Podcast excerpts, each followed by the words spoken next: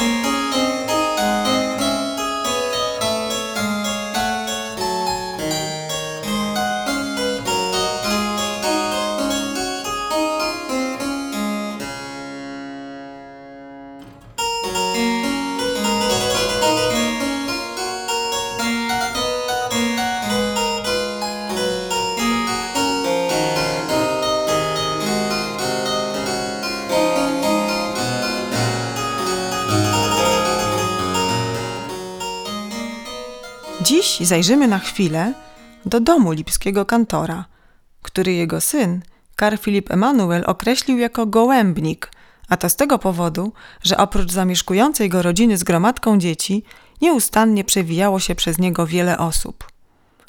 Niestety na temat życia codziennego i rodzinnego Bacha nie zachowało się wiele informacji. Karl Filip tłumaczył Forkelowi, biografowi Bacha, że ojciec nigdy nie napisał niczego na temat swojego życia, więc luki są nieuniknione. Istotnie w odróżnieniu od np. rodziny Mozartów zachowało się niewiele osobistych dokumentów czy listów samego Bacha. Karl Filip mówił: Przy takiej ilości obowiązków ledwie miał czas na najbardziej konieczną korespondencję i w związku z tym nie mógł sobie pozwolić na wymianę długich pism.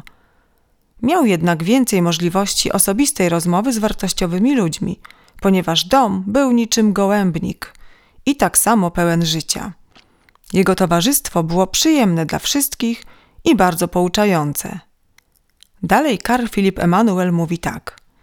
Żaden mistrz muzyki nie mógł przejechać przez to miasto, czyli Lipsk, nie zawarłszy znajomości z moim ojcem i nie dając mu się posłuchać.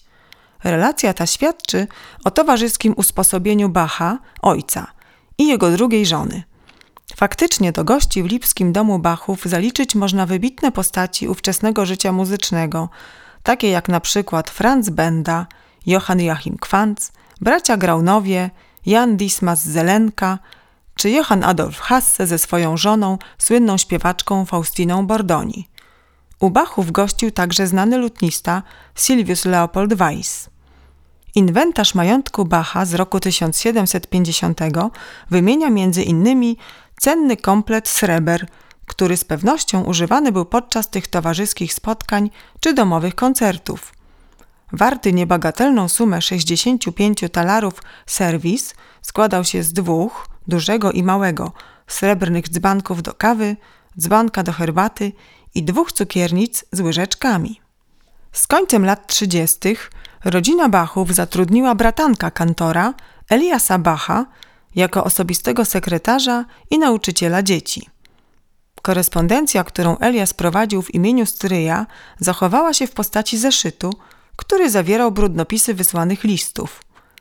Oprócz informacji potwierdzających niezwykle napięty terminarz związany z obowiązkami zawodowymi Bacha, znaleźć tam można wzruszające dowody jego dbałości i czułej troski wobec ukochanej żony. Przykładem może być odpowiedź sekretarza Bachów, wysłana jesienią 1740 roku w imieniu Anny Magdaleny do Simona von Meyerna z Halle, który na zamówienie Jana Sebastiana Bacha przysłał jej w świątecznym prezencie sześć bardzo pięknych sadzonek goździków.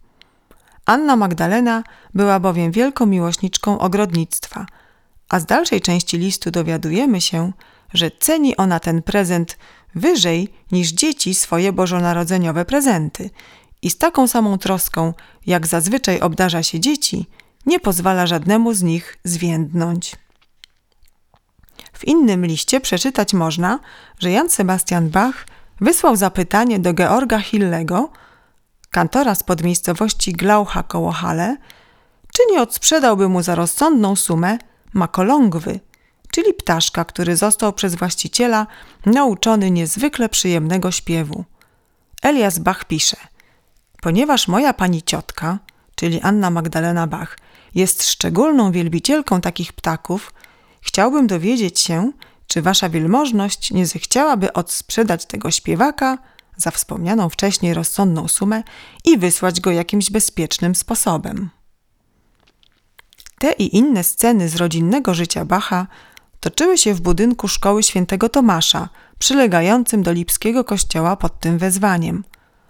Kantor wraz z rodziną zajmowali tam mieszkanie, na temat którego posiadamy dość dużo szczegółowych informacji, dzięki zachowanym rysunkom budowniczego i architekta Georga Wernera. W latach 30. budynek został poddany przebudowie według jego projektu. Dzięki niemu budowla zyskała dwie kondygnacje, a rodzina kilka ogrzewanych pokoi i dodatkowe pomieszczenia na mansardowym poddaszu. Powierzchnia całego mieszkania Bachów wynosiła około 75 m2. Znalazło się też miejsce na pralnię, suszarnię, spiżarnię i dwa składziki na piwo.